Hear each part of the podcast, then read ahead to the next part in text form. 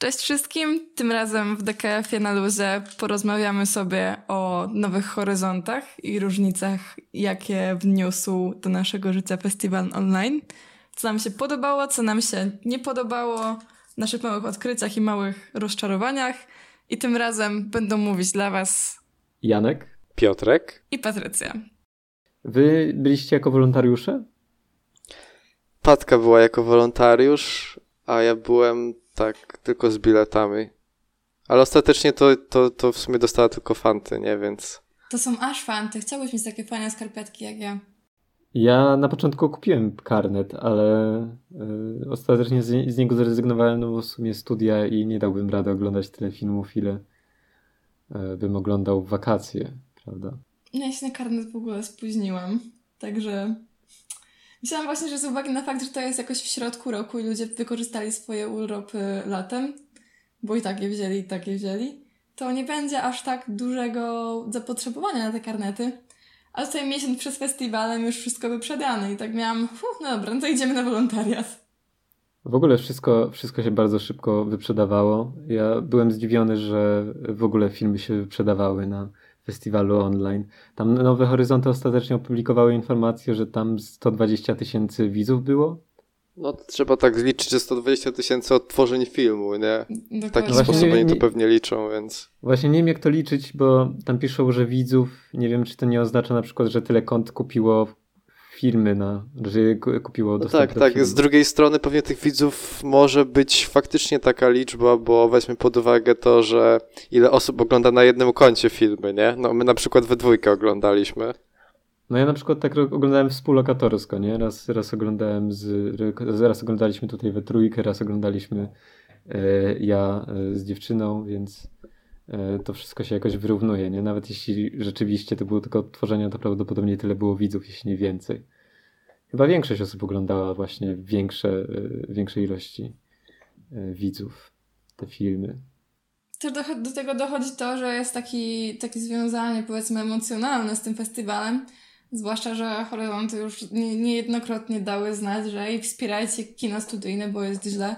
No to też się w ludziach obudził swego rodzaju patriotyzm lokalny, czy tam patriotyzm emocjonalny, nazwijmy to. I też nawet jeżeli normalnie nie zapłaciliby takiej ceny za bilet online, bo jednak to jest cena prawie jak do kina, to z uwagi na fakt, że to jest akurat ten festiwal, akurat Horyzonty, akurat AFF, wydaje mi się, że to było jakiś taki moralny obowiązek dla części ludzi, żeby wziąć w nim udział. No ja właśnie dlatego chyba też kupiłem jednak więcej biletów niż zamierzałem, no bo e, zależało mi na tym, żeby jakoś e, Nowe Horyzonty to przetrwały i AFF to przetrwał. No, bo to, e, tak jak mówiłaś, e, festiwal, z którym wiąże jakieś miłe, emocjonalne wspomnienia. Ja to myślę, że wiele osób miało takie podejście, żeby. My też zac- zaczynaliśmy chyba tam kilka, kilka, kilka, kilkanaście pozycji, później z dnia na dzień coraz więcej bilecików się na, nazbierało. max, Piotrek, nic więcej, dwie stówy max. No i, no i tak w sumie też, tak jak powiedziałaś, jakby nostalgia i też kwestia tego, że jednak fajnie by było, żeby kino i festiwal się utrzymały, bo jednak to ważna część Wrocławia i ważna część jakby, no też w sumie dla DKF-u mi się wydaje, więc je- jest, jest, to, jest to pewien rodzaj święta kina, które jest, jest takim powiedzmy wyczekiwanym okresem dla każdego powiedzmy kinomana w to lato, żeby się przejechać, spotkać ze znajomymi, pooglądać coś, napić się piwka. Wiadomo, że No, ten aspekt, w Arsenale. o tak, żeby te, że ten aspekt społeczny został jednak wykluczony, ale można sobie było to jakoś wszystko zastąpić w tej pandemicznej rzeczywistości przynajmniej. Jakoś tak lepiej człowiekowi. No i też tutaj było dużo takich fajnych e, zastępstw za ten e, e, taki e, bardziej społeczny wymiar festiwalu. No bo w sumie e, ta grupka nowohoryzontowa, Nowe Horyzonty po godzinach działa, działała dosyć prężnie, prawda? Można było się poczuć jak na festiwalu. Zarówno to, jak i to, że udało im się praktycznie cały repertuar przenieść online, bo bardzo często du duże firmy odpowiadające za dystrybucję nie mają ochoty swoich czarnych koni wrzucać do internetu. Po co, skoro oni na tym prawie nie zarabiają ze względu na te ustawienia licencyjne? Bo też ile osób pójdzie do kina versus ile osób ogląda przed, przed ekranem. I kupiony bilet jest jeden, no ogląda pięć osób, a tutaj mimo, mimo wszystko udało się i nowe pule na żądanie z paru filmów i takie duże, duże filmy jak Dał Natasza czy Na Rauszu. No na Rauszu chyba y, miało tylko jeden pokaz internetowy i udało się to wywalczyć jeszcze y, w czasach, kiedy y, była informacja, że pojawił się jeszcze seansy w kinie. No i taki sytu- taka sytuacja była też z filmem Zamknięcia American Utopia Davida Barna, gdzie zgodzili się na pokaz, tylko, tylko jeśli będzie za darmo i nie będzie z polskimi napisami, tylko w wersji oryginalnej. I też był chyba limitowany. Chyba 1200 było. To pierwszy, Chyba ten lepszy. Ty, ty, tysiąc, tysiąc pierwszych osób mogło Ale mi się bez problemu udało dostać. Nie wiem jak.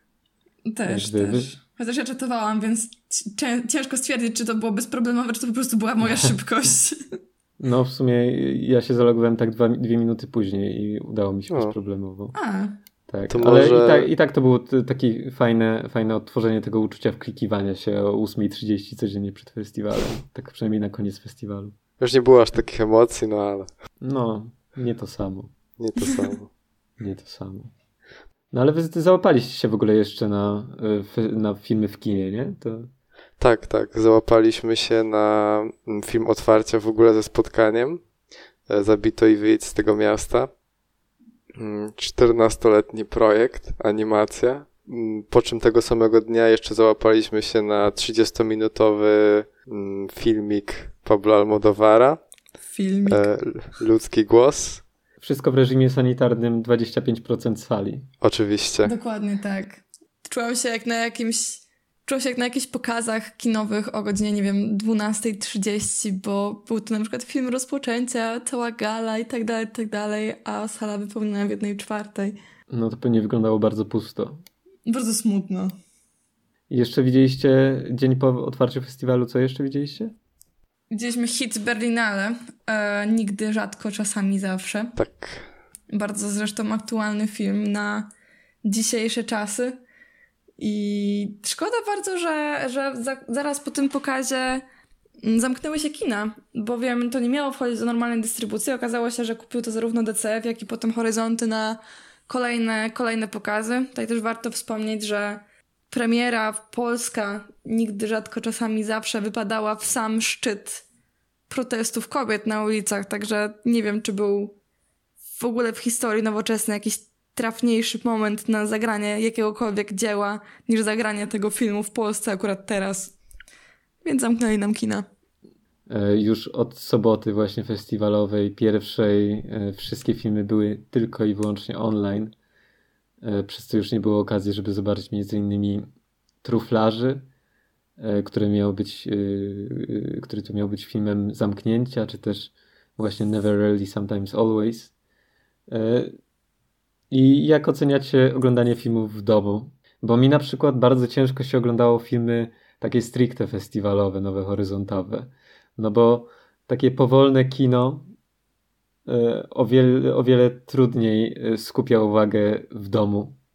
Łatwiej ewentualnie zasnąć w łóżku przy laptopie albo na kanapie, e, czy też o wiele łatwiejszy jest dostęp do telefonu od razu. Trzeba by było się chyba całkowicie odciąć od innych, od jakichkolwiek bodźców, żeby się skupić stuprocentowo na filmie. Ja mówiąc szczerze, chyba nie miałam za bardzo tego problemu, bo z uwagi na fakt, że slow cinema niespecjalnie lubię, a czasami z uwagi na fakt studiów i tego, że nie wklikałam się na nic innego, po prostu stwierdziłam, że a dobra, chodźmy i się męczyłam tam przez te dwie godziny, to w systemie online mogłam sobie po prostu powybierać to, co mnie interesuje. Więc nie, nie byłam zmuszona oglądać takich filmów. Mogłam sobie obejrzeć jakieś y, głupawe komedyjki, tudzież filmy festiwalowe, ale trochę mniej festiwalowe, jakby z innego kalibru. Więc nie miałam problemu z zasypianiem na kanapie, chociaż miałam parę chybionych strzałów. No, to, to się akurat zgadza, ale myślę, że to każdy miał jakiś chybiony strzał, tak jak na festiwalu, sekcja Lost, Lost, Lost. E, e, ale mm, tutaj dodam jeszcze od siebie, że no wydaje mi się, że jednak tutaj się zgadzam w 100% z Jankiem, że jednak kontemplacja u siebie w pokoju przed ekranem monitora, to, to jednak nie jest chyba to. I na przykład bardzo byłem, mm, bardzo się jarałem e, nowym filmem rumuńskiego mistrza Slow Cinema. O mój Boże. E, Puju i ten i Malmkrog jednak nam nie wszedł, bo no, niestety, no, wydaje mi się, że w rzeczywistości kinowej, gdzie na przykład 4,5 godzinny Love Diaz, mimo że, że, że ciężko się wgryźć, to, to później jakoś leci, to, to, to jednak ma znaczenie to, w jakich warunkach go oglądamy i to, że jesteśmy w kinie nie pozwala nam praktycznie na robienie niczego innego, rozpraszania swojej uwagi mamy tak naprawdę jeden wielki ekran, zero innych bodźców zewsząd i można się jakoś tak fajnie w to wgryźć. A tak czuję, że no, na pewno kilka filmów odebrałbym o wiele inaczej w kinie i trochę żałuję, ale na pewno jest to inne doświadczenie, tak w domku, na spokojnie. Można też sobie pokomentować na głos to, co się ogląda, to jest zawsze fajne. No, w warunkach domowych trudno uzyskać tę ciemność i E, właśnie wszechogarniający dźwięk. Myślę, że kilka filmów jeszcze bardziej by mi się spodobały e, właśnie w sali kinowej, ale e, w domu no to, to, to jest też taka wygoda, kiedy oglądasz filmy kiedy chcesz, nie o konkretnych godzinach. Nie? Tam na grupie festiwalowej można było zobaczyć, że niektórzy oglądali 8 filmów nawet dziennie. Myślę, że dzięki temu też zdążyłem, mimo, mimo jakichś tam obowiązków, zdążyłem obejrzeć 20 filmów, prawda? Bo mogłem sobie to rozdzielić jak chcę. No i też filmy, które chciałem zobaczyć, mogłem obejrzeć po prostu sobie w weekend, a nie też jak przegapiłem pokaz we wtorek i w poniedziałek, to już nigdy tego nie zobaczę. No zgadza się, to jest na pewno jakieś tam ułatwienie dla ludzi, którzy nie żyją tylko festiwalem, szczególnie e, w, te, w, tym, w tym jesiennym czasie, bo Amerykan się nam pokrywa z pracą, ze studiami, z życiem. Często nie, nie można tego jakoś tak fajnie pogodzić. A tutaj akurat mieliśmy to ułatwienie i w sumie też, też nam z Patrycją troszeczkę to ułatwiło. Zobaczenie wszystkich highlightów, które chcieliśmy zobaczyć i, i jeszcze życia przy okazji takiego w miarę normalnego, więc też to fajnie wyszło. No ale nadal mimo wszystko brakowało poza samymi filmami to jeszcze Gutka DJ-a za konsoletą, bo to... To już chyba nigdy nie wróci niestety, chociaż... To jest w ogóle bardzo ciekawe, bo e, że się tak troszeczkę wyobcowano, to jest taki, taki inside'ik dla was, dla w sumie bardziej Janka niż Piotrka.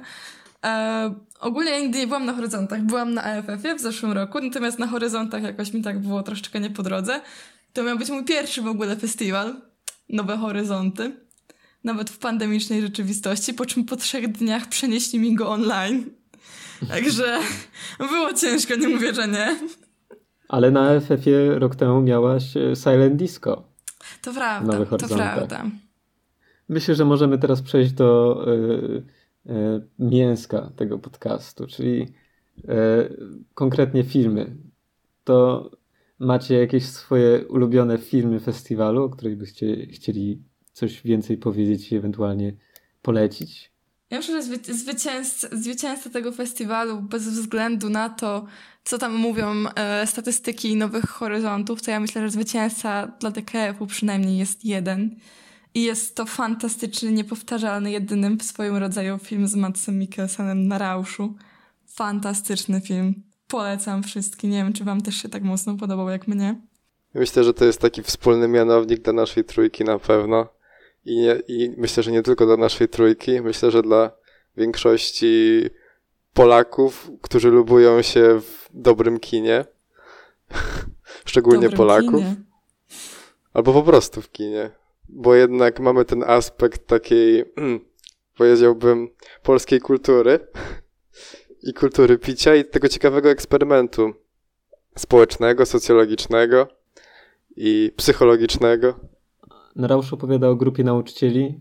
E, wśród nich jest Mats Mikkelsen, który jest głównym bohaterem, którzy próbują sprawdzić właśnie teorię, że człowiek urodził się z niedoborem alkoholu we krwi e, i w ten sposób zyskują w jakiś sposób pewność siebie i zaczynają odnosić sukcesy zawodowe, ale też w życiu prywatnym. E, znaczy brzmi to jak komedia, ale jednak ten duński film przekształca się, że przechodzi momencie, w pewnym momencie w dramat i zresztą, który kończy się sceną i jakimś takim katarzis, którego nie znalazłem w żadnym innym filmie w tym roku. Nie tylko na festiwalu, ale w tym roku. Tak jak, jak, jak się film zaczynał, to, to faktycznie, tak jak powiedziałeś, było czuć taką po prostu komedyjką. Później, później wjechał taki Wittenberg z polowania.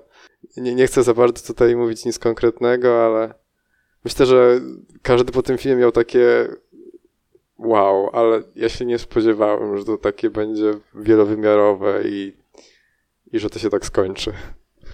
Tak, bo właśnie większość filmów, jakie oglądamy o piciu alkoholu, to to już jest o skrajnym alkoholizmie, gdzie y, właśnie mamy ten pod mocnym aniołem, gdzie wszyscy, którzy nadużywają alkoholu, raczej wszyscy w ogóle nadużywają alkoholu, wszyscy to pijacy i że alkohol jest zły. A tutaj w tym filmie mamy y, właściwie y, o piciu alkoholu bez jakiegoś moralizowania, prawda?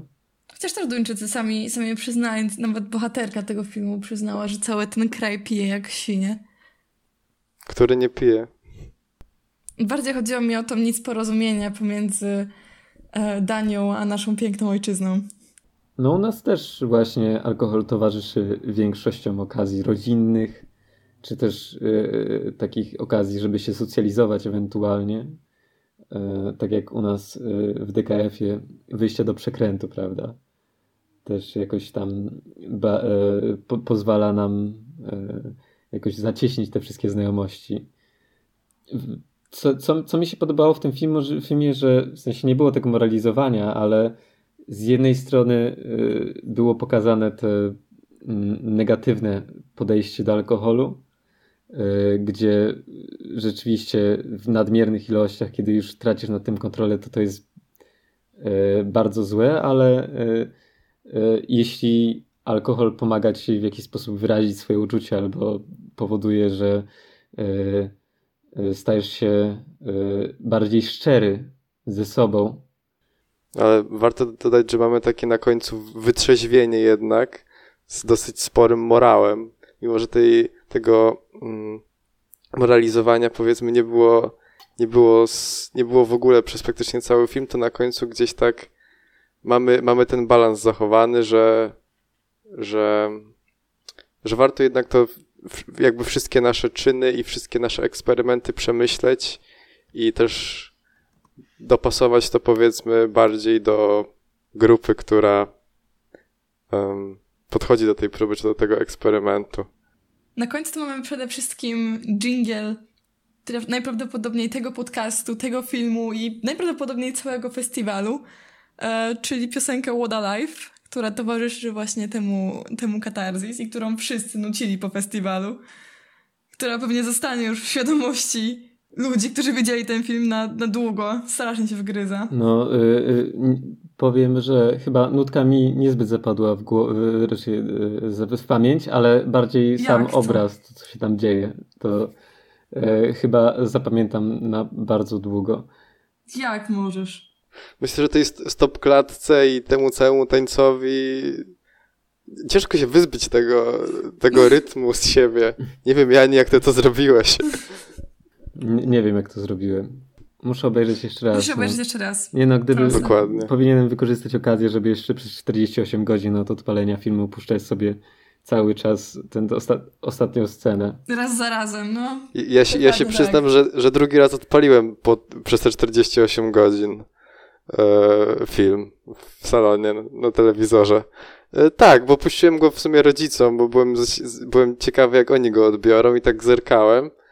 I no i nie powiem, że jeszcze bym pewnie trzeci i czwarty raz obejrzał i też bym się świetnie bawił, bo nie wiem. Coś wyjątkowego jest jednak w tym, w tym powiedzmy słodko-gorzkim, tej słodko-gorzkiej tak, opowieści Wittenberga. się dobrze bawisz, nie? W sensie mimo tej, tej depresji w samym środku. Dokładnie. To jest w ogóle jakiś fenomen, że tak naprawdę twoim drink of choice na ten festiwal są łzy Matsa Mikkelsena, a jednocześnie wychodzisz taki uchachany z tego seansu. A jeszcze takie pytanko. Czy y, macie jakąś, y, nie wiem, jakieś filmy, na, e, filmy, e, które by przypominały na Rauszu, ewentualnie komu byście polecili na Rauszu? Absolutnie nie. Wszystkim. absolutnie chyba nie do takiego poziomu takiego wielowymiarowego, inteligentnego i takie w ogóle podejścia, które proponuje twórca, to, to, to wydaje mi się, że raczej nie. Nic w tym stylu. Ale no, tak jak Matka powiedziała, to raczej jest taki film chyba dla wszystkich po prostu. To teraz możemy przejść właśnie, tak jak Piotrek mówiłeś, do dalej. Tak, chcieliśmy z Patrycją, z racji, że ty, ty, ty w sumie możesz stanąć w opozycji, tutaj nam utrudniać zadanie, e, powiedzmy nasz taki skromny wybór e, naszego małego zwycięzcy e, tych, tych, z tych dwudziestu pozycji, czy tam dwudziestu kilku pozycji, które widzieliśmy, czyli Berlin Aleksandersplatz. I myślę, że tutaj oddam Patrycji na początek głos. E, to jest e, ekranizacja w ogóle jednej z największych powieści XX wieku pod tym samym tytułem, która notabene jest skostniałą niemiecką lekturą szkolną, której wszyscy nienawidzą. E, tylko, że przełożona troszeczkę na współczesne realia i nie za bardzo, nie, niezbyt, niezbyt mocno trzyma się w swojej strukturze swojego literackiego pierwowzoru. Opowiada historię e, emigranta, e, który udał się do Niemiec w poszukiwaniu lepszego życia, gdzie chciał być porządnym człowiekiem. Ale życie i ludzie, których spotyka, decyzje, które podejmuje, przy najszczerszych chęciach, bardzo mu to bycie porządnym człowiekiem utrudniają. I to w sumie tyle, co można powiedzieć, żeby jakoś mocno tego filmu nie spoilerować. Myślę, że też ciężko go, w sensie da, da się go jakoś zaspoilerować, ale jednak y, sam film jest y, y, stoi, stoi warstwą wizualną. Oj, Też. nieprawda. Nie, nie, mów, nie mów, że jesteś tym człowiekiem, który stwierdził, że o, neony, fajnie, bardzo fajny film 7 na 10. E, Proszę, ja nie rób mi tego. to zobaczyłem, zresztą za namową dziewczyny, o, bo podchodziłem do tego filmu tak sceptycznie ze względu na jakieś takie chłodne recenzje początkowe z Berlinale, e, bo widziałem tam właśnie tylko na zdjęciach ewentualne takie ładne kadry z neonami, z, różowym, z ładnym oświetleniem. No i, no i w sumie Ładne to, to neony. jest to, co mniej więcej zobaczyłem, bo e, e, widząc na samym początku, że to jest na podstawie książki e, i widząc następnie te ładne obrazy z neonkami i z super muzyczką e, klubową, to y, jednak nie, nie umiem odeprzeć się od wrażenia, że to jest po prostu takie kino nieco gangsterskie z wstawkami poetyckimi, dosyć według mnie pre- pretensjonalnymi. Uuu. Strzały zostały Czekam wystrzelone. Obronę. E, wydaje mi się, że, mm, że jakby skupianie się, wiadomo, że strona wizualna jest na pewno bardzo mocną częścią całej historii, ale mi przede wszystkim przypada do gustu dlatego, że mamy takie konsekwentne budowanie postaci człowieka, którego to miasto niszczy. Przy okazji poruszane są tak naprawdę wszystkie po kolei ważne we współczesnym świecie tematy.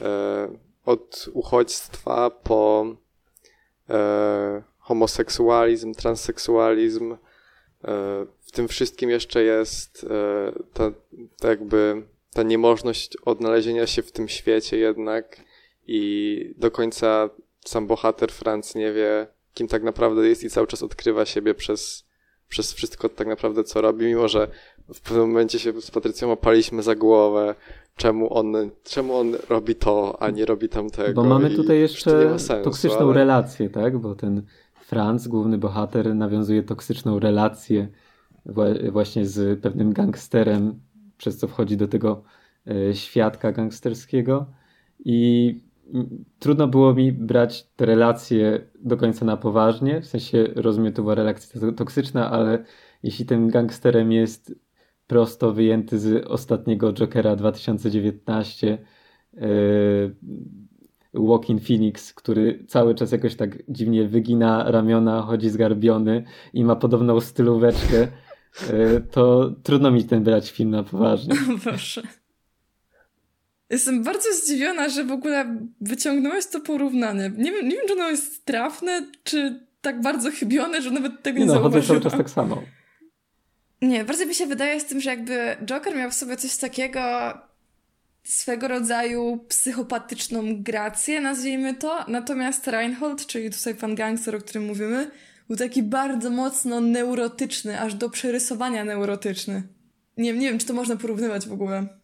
No, wydaje mi się, że do, do pewnego stopnia jakby można tam zobaczyć jakieś podobieństwa, ale nie szedłbym jakoś tak, tak, tak bardzo tak Znaczy, bardzo daleko. jeśli chodzi o samą osobowość, no to się, rzeczywiście nie, ale chodziło mi o bardziej taki styl zachowania się.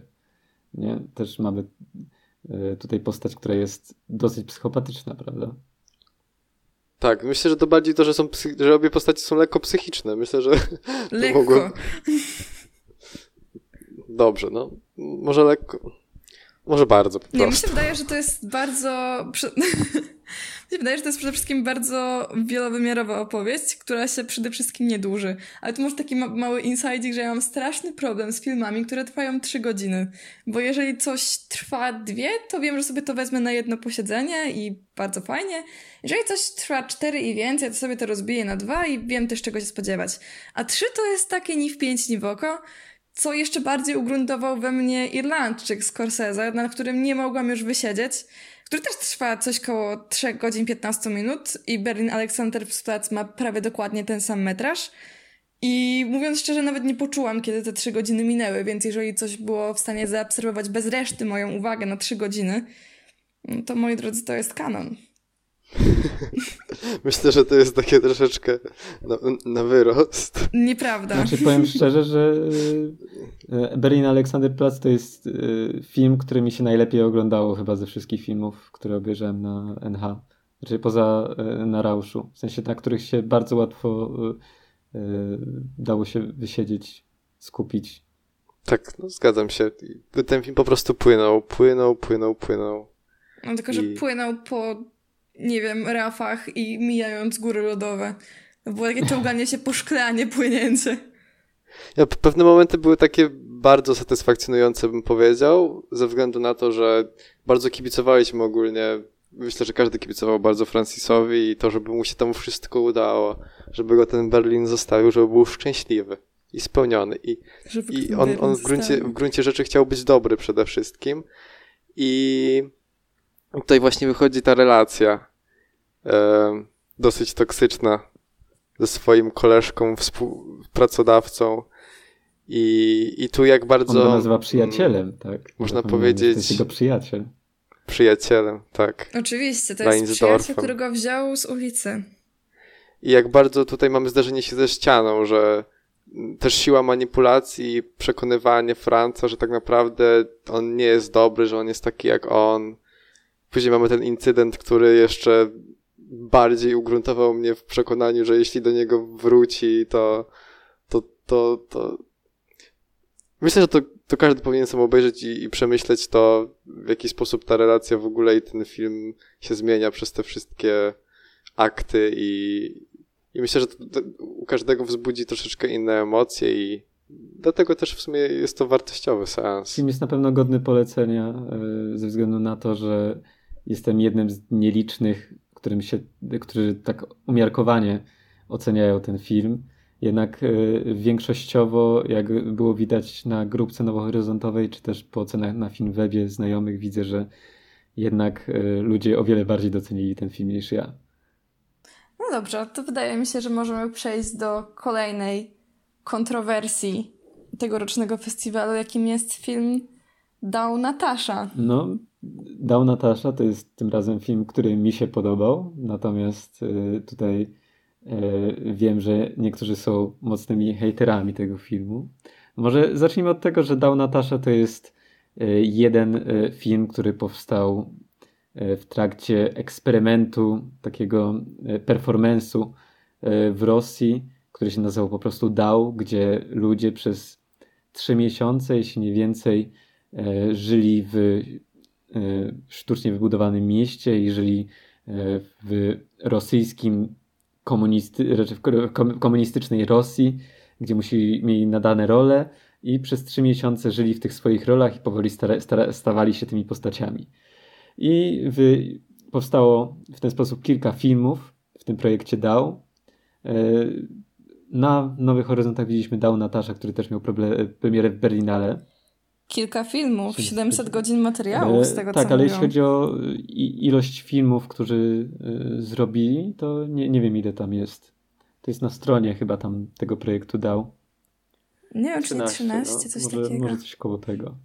No, ale właśnie w Dał Natasza obserwujemy życie kelnerki w jednym z barów w tym mieście, która się nazywa Natasza. No i ona tam się ściera właśnie z naukowcami, którzy tam przeprowadzają pewne eksperymenty, żeby stworzyć jakiegoś super żołnierza i ostatecznie też ma konfrontację z służbami komunistycznej partii, prawda?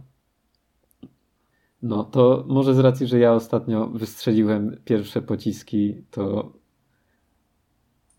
strzelajcie. Znaczy ja absolutnie byłam zakochana w zakochana w koncepcie tego filmu. Usłyszałam o nim jeszcze przed Berlinale. Na Berlinale nie udało mi się w tym roku wyjechać, byłam tym faktem załamana.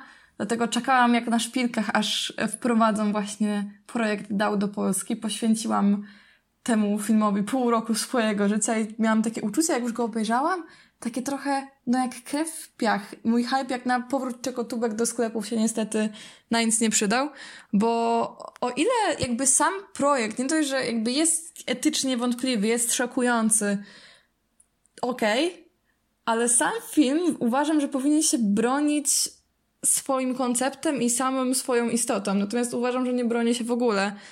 E, znaczy, oczywiście się bardzo przyjemnie ogląda. To jest bardzo przyjemna historia, tylko przez 90% czasu zastanawiasz się, kiedy coś zacznie się dziać, żeby mnie zaangażować w ten film emocjonalnie, bo poza tym, że mam bardzo dużo takich paralel pomiędzy Rosją a Polską i jest to dla mnie, powiedzmy, w jakiś tam sposób albo zabawne, albo przerażające, albo gdzieś tam widzę swój kraj w tamtym, w tamtym filmie, to mam taki problem troszeczkę, co ludzie w tym filmie tak bardzo widzą, że ich to tak bardzo szokuje, że ich ten film rzucił na kolana.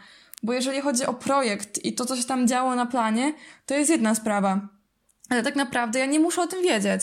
Fajnie by było, gdybym to wiedziała, ale jako widz absolutnie nie muszę wiedzieć, bo nie było disclaimeru na początku, niczego innego. I tak naprawdę uważam, że jakby efekt skali jest tutaj nieporównywalny, jak duży był projekt, a jak mały w stosunku do tego projektu jest ten film. No właśnie, oglądając ten film, nie da się y, uciec od myśli, że to jest część czegoś większego. W sensie ten, ten projekt rzeczywiście może, może się nie bronić jako sam w sobie, jeśli y, nawet jeśli się zna cały, cały ten y, ca, całe to tło tego, tego kręcenia. Natomiast co mnie uchwyciło w tym filmie, właśnie takie bardzo y, naturalistyczne podejście do kręcenia jakichkolwiek scen, tych y, popijaw w stylu y, właśnie takim staro, staroradzieckim, taki słowiański, słowiański styl picia.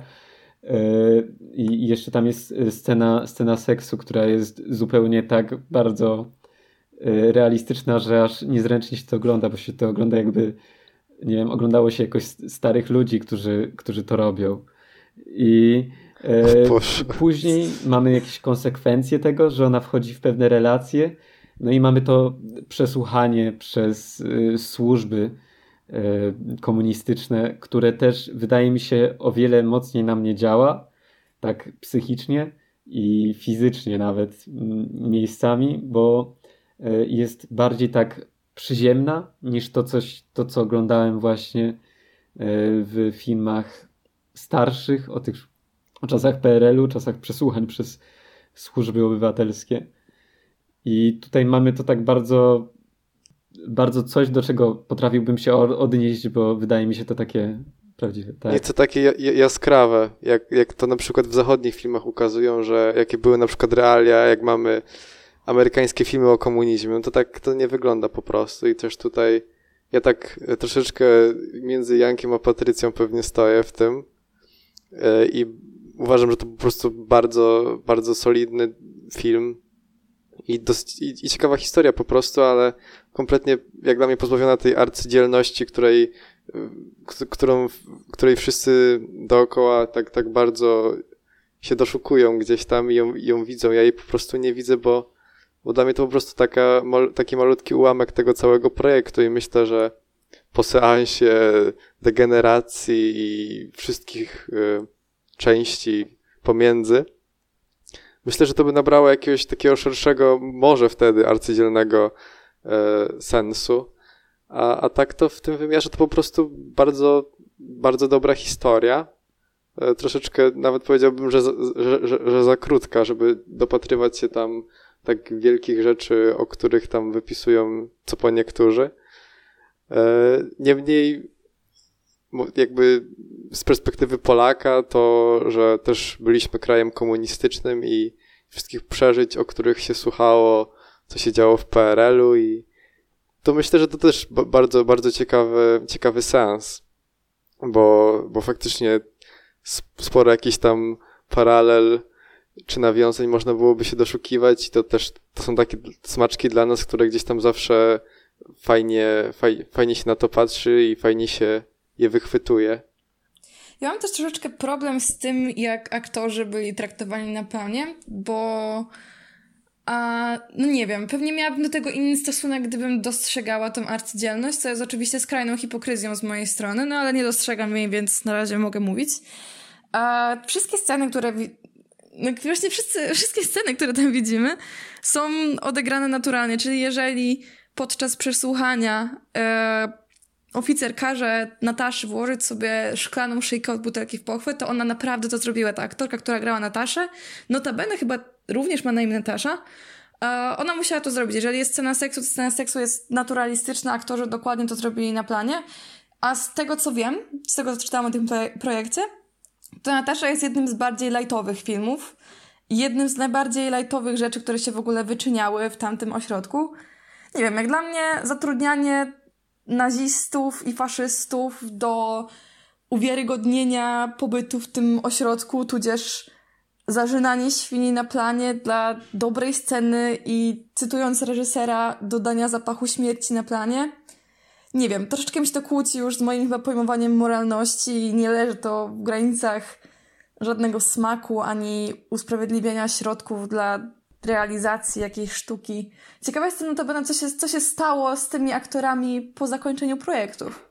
To jest taka rozprawa między tym, na ile sztuka powinna być etyczna, na ile, na ile możemy pozwolić sztuce po prostu być sztuką i nie przejmować się tymi ramami etycznymi, gdzie to już, gdzie jest ta granica, w którą jakby musimy, musimy jakby interweniować jako ludzie, e, by, by jednak to się nie wymknęło Właśnie gdzieś tam za bardzo. Tutaj zaznaczyć jakąś granicę w tym filmie, kiedy to po prostu e, to, to w sumie zależy tylko i wyłącznie od nas, naszych jakichś takich postaw moralnych, kiedy to już przestaje być sztuka, zaczyna się po prostu znęcaniem psychicznym nad ludźmi.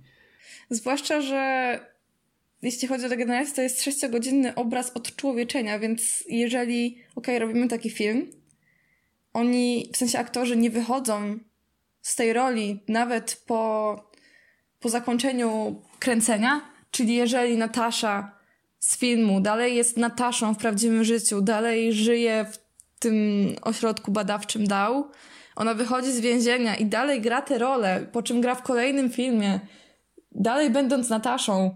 A potem nagle projekt Dał się kończy. Rozbieramy konstrukcję i zaczyna się prawdziwe życie. I ci ludzie muszą wrócić. A nie sądzę, znaczy nie sądzę, nie doczytałam, żeby zapewniona im została jakaś na przykład pomoc psychologiczna bo pani grająca Nataszę moim zdaniem zdecydowanie tej pomocy będzie Widziałem potrzebować. Jakieś zdjęcia pani Nataszy i jej koleżanki, również kelnerki z Berlina, ale jak tam pozowały przy ściance, ale też w sumie yy, martwię się o y, stan psychiczny wszystkich tych aktorów tam. Jest to kontrowersyjne, ale yy, może to jest takie, w tej, chwili, w tej chwili trochę się czuję źle y, z powodu tego, że mi się to podobało. Znaczy, no ale myślę, że większość ludzi, którzy byli pod wrażeniem tego filmu, mogą czuć w jakiś sposób konflikt moralny w swojej duszy. Moralnie jak festiwalowy. projektu dał. Powinien być jakiś taki syndrom opisany. Syndrom dał. Syndrom dał. Dał Holmski. Dał, daj tym ludziom jeszcze tak 5 lat, wyjdą z nich demony po projekcie Dał, ktoś to opisze. A ja jeszcze chciałem powiedzieć, zanim, zanim jeszcze przejdziemy o tym, że y, ja po filmie y, jestem y, zachęcony do obejrzenia pozostałych projektów DAO. Więc mam nadzieję, że mój obraz tego projektu się bardziej poszerzy.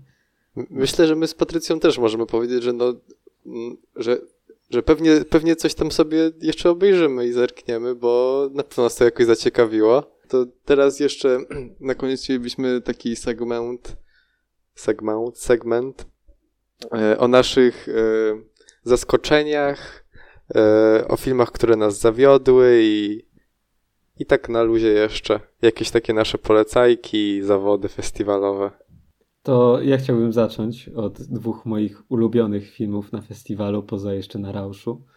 Jest to film Czerwony Księżyc, który był w sekcji nowo, w konkursie Nowych Horyzontów. E, jest to dla mnie o tyle e, satysfakcjonujący film na tej edycji, że to był chyba jedyny taki mocno nowohoryzontowy film, powolne, medytacyjne kino, które było odtworzeniem legendy morskiej.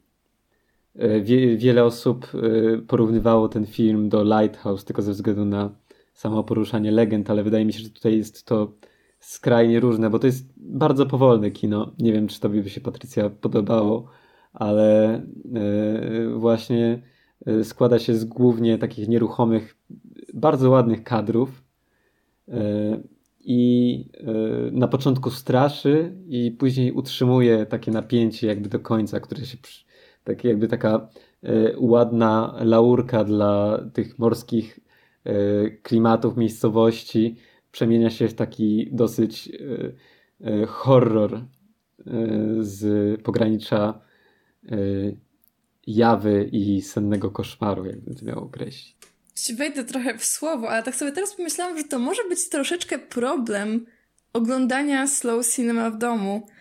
Bo wiesz, że w kinie nic się raczej nie zatnie, a tak w domu siedzisz i patrzysz na ten bardzo ładny kadr trzecią minutę i się zastanawiasz, czy ten kadr rzeczywiście trwa trzecią minutę, czy się po prostu odtwarzacz zaciął. Paradoksy. Chociaż w kinie też nie ma czasem takiej pewności, bo już były takie, takie sytuacje na festiwalu, że puszczali zły film na przykład. Albo, Pamiętam że... jak urwała się taśma na jednym pokazie z taśmy i wszyscy myśleli, że to było w filmie. Ja pamiętam, że na jednym filmie była taka sytuacja, że nie puścili chyba angielskich napisów i się zorientowali w połowie i, i puścili film od początku. No więc różne takie ciekawe sytuacje mają miejsce, a ja od siebie dodam dwa tytuły, które jakoś tak wyjątkowo mi przypadły do gustu. E, pierwszy to będzie Noc Królów, e, film z Wybrzeża Kości Słoniowej. E, sekcji odkryć. Tutaj to jest takie połączenie więziennej i e, plemiennej stylistyki, powiedzmy. Bardzo ciekawe i bardzo niecodzienne. Nawet mamy sekwencję szamańskiego CGI, która była całkiem przyzwoicie zrobiona. Mm, film, jakby fabuła skupia się na tym, że do więzienia, do sporego więzienia, już nie pamiętam dokładnie nazwy, Abidżanie trafia taki młodzieniec, który zostanie, zostaje wybrany e, na opowiadacza i w ogóle tym więzieniem rządzi skazany, co jest w ogóle ciekawe. E, I ten opowiadacz e, podczas Nocy Czerwonego Księżyca musi opowiadać przez całą noc, bo z pewnego powodu, którego nie zdradzę. No i tam już podczas takiego opowiadań, opowiadania dowiadujemy się o pewnym lokalnym, lokalnym, e, no, o lokalnym gangu i, i, jego założycielu i takiej ważnej lokalnej postaci. Są takie dwie osie tej, tej osi, jest taka, są takie dwie osie fabularne, oś tej opowieści i oś tego, co się dzieje aktualnie w więzieniu przez tą noc. I już nie chcę za bardzo tutaj wchodzić w szczegóły, ale bardzo polecam, jeśli ktoś lubi właśnie taką stylistykę, myślę, że się w tym odnajdzie. I jeszcze na szybko dodam, że tym drugim filmem jest... Um, co chciałem powiedzieć? Nie Malmkrok, zdecydowanie nie. Malmkrok. To, to może... Malmkrok to może do, do, dodam. Co ja tu chciałem jeszcze? To może teraz może teraz oddam głos Patrycji i się zastanowię. E, dobrze, dla mnie takim zaskoczeniem, które, które nie spodziewałam się, że chyba, znaczy spodziewałam się, że to będzie dobre, ale nie spodziewałam się, że aż tak, to było Zabójstwo dwojga kochanków. Jest film, który dzieje się e, w zasadzie na kilku ulicach i we wnętrzu furgonetki. Jest zapisem historii e, rozpadu wieloletniego małżeństwa. Akcja tego filmu jest e, osadzona we wnętrzu, no to tak jak mówiłam, zdecydowanej furgonetki, jakiegoś małego, oddzielonego od reszty stanów miasta w USA. Jest to historia Davida, usiłującego pogodzić się z tym, że jego żona zaczyna spotykać się z kimś innym, że jej małżeństwo się sypie. I to jest o tyle mocne w wyrazie, że jest takie bardzo mocno przyziemne. Nie ma jakiegoś takiego przedramatyzowania tego wszystkiego. Nie jest to też potraktowane z jakąś ani nutką humoru, ani, ani żadną, żadną tą dozą filmowości, tylko właśnie tak, jak to prawdopodobnie mogłoby wyglądać naprawdę. Przy czym nakręcona jest też w, w, jakimś, w jakiejś zimie prawdopodobnie, tudzież późnej jesieni. Paleta kolorów też równie, równie bogata co paleta uczuć bohatera, czyli zamykamy się w, od bieli do szarości w porywach do brązu. Jest taki bardzo, bardzo szorstki, bardzo surowy. I najlepsze w nim wszystkim to, że chyba poza zakończeniem, które jest jednak troszeczkę zbyt filmowe i zbyt lukrowane, w zasadzie nie mam do niego żadnych zarzutów. Ja powiem, że też zabójstwo dwojga kochanków mi się podobało do momentu zakończenia, które zepsuło mi tak jakby odczucia do tego filmu. Cały Ale film. Y, ma ten film vibe taki y, Manchester by the Sea.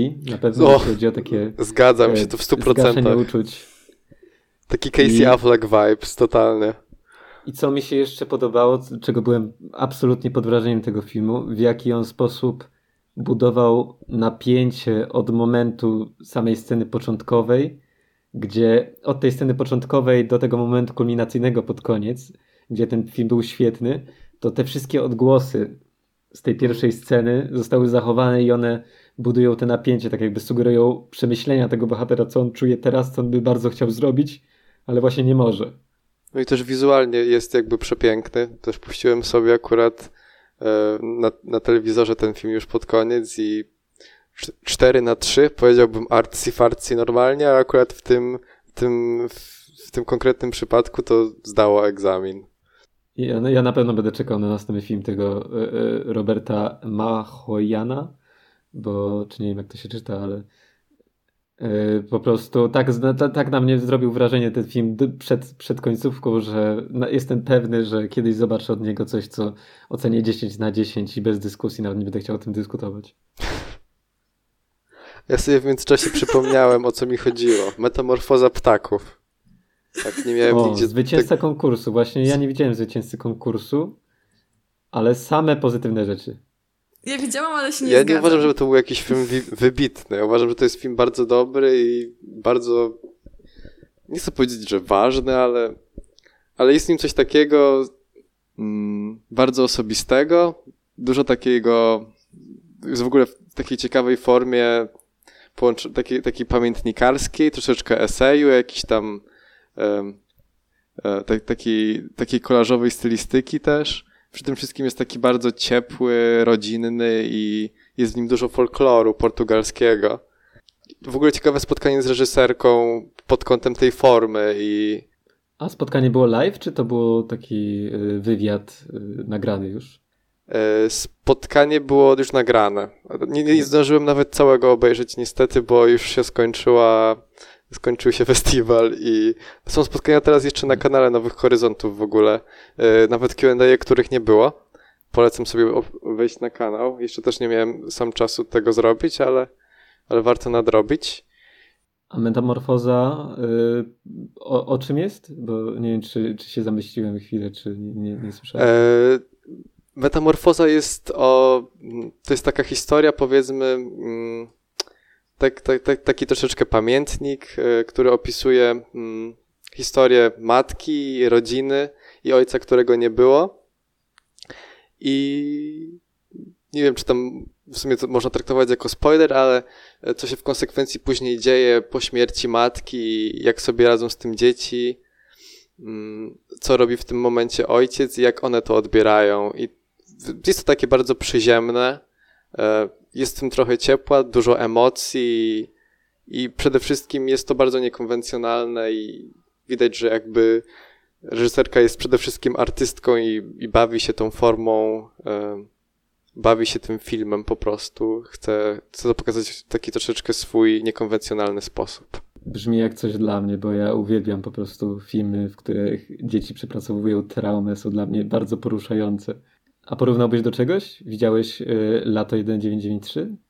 Tak, widziałem Lato, ale mm, absolutnie nie, bo tam jakby dzieci prze, przepracowały, prze, przepracowały troszeczkę e, te lata mm, dzieciom, to dopiero już jak dorosłe. E, I, I to z tej perspektywy jakby doświadczamy. Jest parę takich kadrów wyjętych ze szczęśliwego Lazaro, jak e, gdzieś tam w tych liściach postacie są poukrywane. E, stylist, bardzo tak w stylu frontu wizualnego bym powiedział. Można to gdzieś tak przyporządkować. A fabularnie, mm, no właśnie te wszystkie filmy właśnie, gdzie, gdzie mamy takie powiedzmy trudne relacje rodzinne i to wymaga e, jakiegoś tam przepracowania nie, nie powiem ci dokładnie, musiałbym nad tym pomyśleć i myślę, że bym ci był w stanie jakiś ciekawy przykład powiedzieć. Szkoda, że nie, nie wiemy co z dystrybucją tego filmu za bardzo, ale... No ja mam nadzieję, że jeszcze zobaczę, bo teraz czuję się zachęcony, żeby to zobaczyć. Jeszcze moglibyśmy powiedzieć o Shiva Baby, które też mówi o relacji rodzinnej, ale w zupełnie inny sposób. O mój Boże, jakbyście chcieli wiedzieć, dlaczego nie lubię Bożego Narodzenia oraz innych świąt, w której zbierać cała rodzina, to proszę sobie obejrzeć. To jest taki instruktaż. Tak, to piekło rodzinnych spotkań y, pokazane przez to, jak młoda dziewczyna wraca do rodzinnego miasta na pogrzeb i w jaki sposób musi się skonfrontować nie tylko z y, niezręcznością i z jakimiś oczekiwaniami rodziny, to jeszcze musi jakoś przepracować swoją, y, swoją przeszłość, która też ją atakuje ze wszystkich stron i nawet teraźniejszość. Po prostu to jest tak y, na, naturalnie pokazane spotkanie rodzinne, jednocześnie z takim komediowym y, sznytem, jakby to powiedzieć. Nie wiem, czy to jest komediowy sznyt. Ja się czułam bardzo tak. zestresowana, tak. chciałam wyjść. Myślę, że to są takie tak bardzo żywe emocje ten film zawiera. I, I tyle jest takiego, powiedzmy, naszego cringe'u, który gdzieś możemy sobie przełożyć na nasze życie, że Absolutnie, każde Ściskało mnie tak w środku cały czas, że nie mogłem powstrzymać śmiechu, no. to... Dokładnie tak, dokładnie to uczucie. Ale o tym filmie już chyba było wiele powiedziane i e, po prostu jesteśmy jednymi z chyba z wszystkich, którzy to polecają. Nie, nie, nie znam osoby, której by się to nie podobało. Ja chyba też nie znam. Podpisuję się absolutnie pod e, wszystkim, co ten film przekazuje. Gdziekolwiek będzie okazja, trzeba zobaczyć jak będzie okazja, to trzeba puścić w DKF-ie. Absolutnie. Zrób, zrobimy event do tego. Zdecydowanie, zatwierdzam. Myślę, że trzeba by było nawet jakby wróciły stare zasady, to i tak w e, reżimie sanitarnym e, odstępie e, miejsca między sobą, żeby każdy mógł się wykręcać, w którą stronę chce. No to... Dobrze, to myślę, że już możemy powoli kończyć. No, będziemy lądować. Ja mam bardzo pozytywne odczucia z tego festiwalu. Nie sądziłem, że mi aż tak wejdzie ładnie jak festiwal fizyczny. Oczywiście jest to zupełnie coś innego i wolałbym się spotkać fizycznie i kończyć nocami w Arsenale i e, budzić się o 8.30, żeby zrezygnować z pierwszego filmu i spać dalej. Ale no, e, cieszmy się, że jak ten festiwal się skończył teraz w połowie listopada, to do następnego mamy już tylko Pewnie. 8,5 miesiąca. Jest to jakiś tam kompromis, tak, który, który w sumie też działał akurat w tym terminie, bo wiadomo, że w lato mamy mniej, mniej trosk związanych z uczelnią, więc możemy to sobie tak po prostu żyć tą atmosferą cały czas i tym festiwalem. Tutaj w listopadzie troszeczkę mniej może i to te, też może, mo, może fajnie, że udało się w ogóle to w jakiej, jakiejkolwiek formie przeprowadzić. Musimy podziękować organizatorom, za to, że platforma wytrzymała mimo jakichś tam trudności i że poszło to w miarę sprawnie i, no i, i, i, i że mogliśmy jednak tego kina troszeczkę doświadczyć i zaczerpnąć z różnych e, krańców świata, jak to na nowych horyzontach. Poszerzyć troszeczkę nasze horyzonty. Wow. O nie. Co to za porównanie? Myślę, że to idealne zakończenie. Nie, nie mam nic więcej do dodania. Te horyzonty muszą zakończyć ten podcast. Zdecydowanie.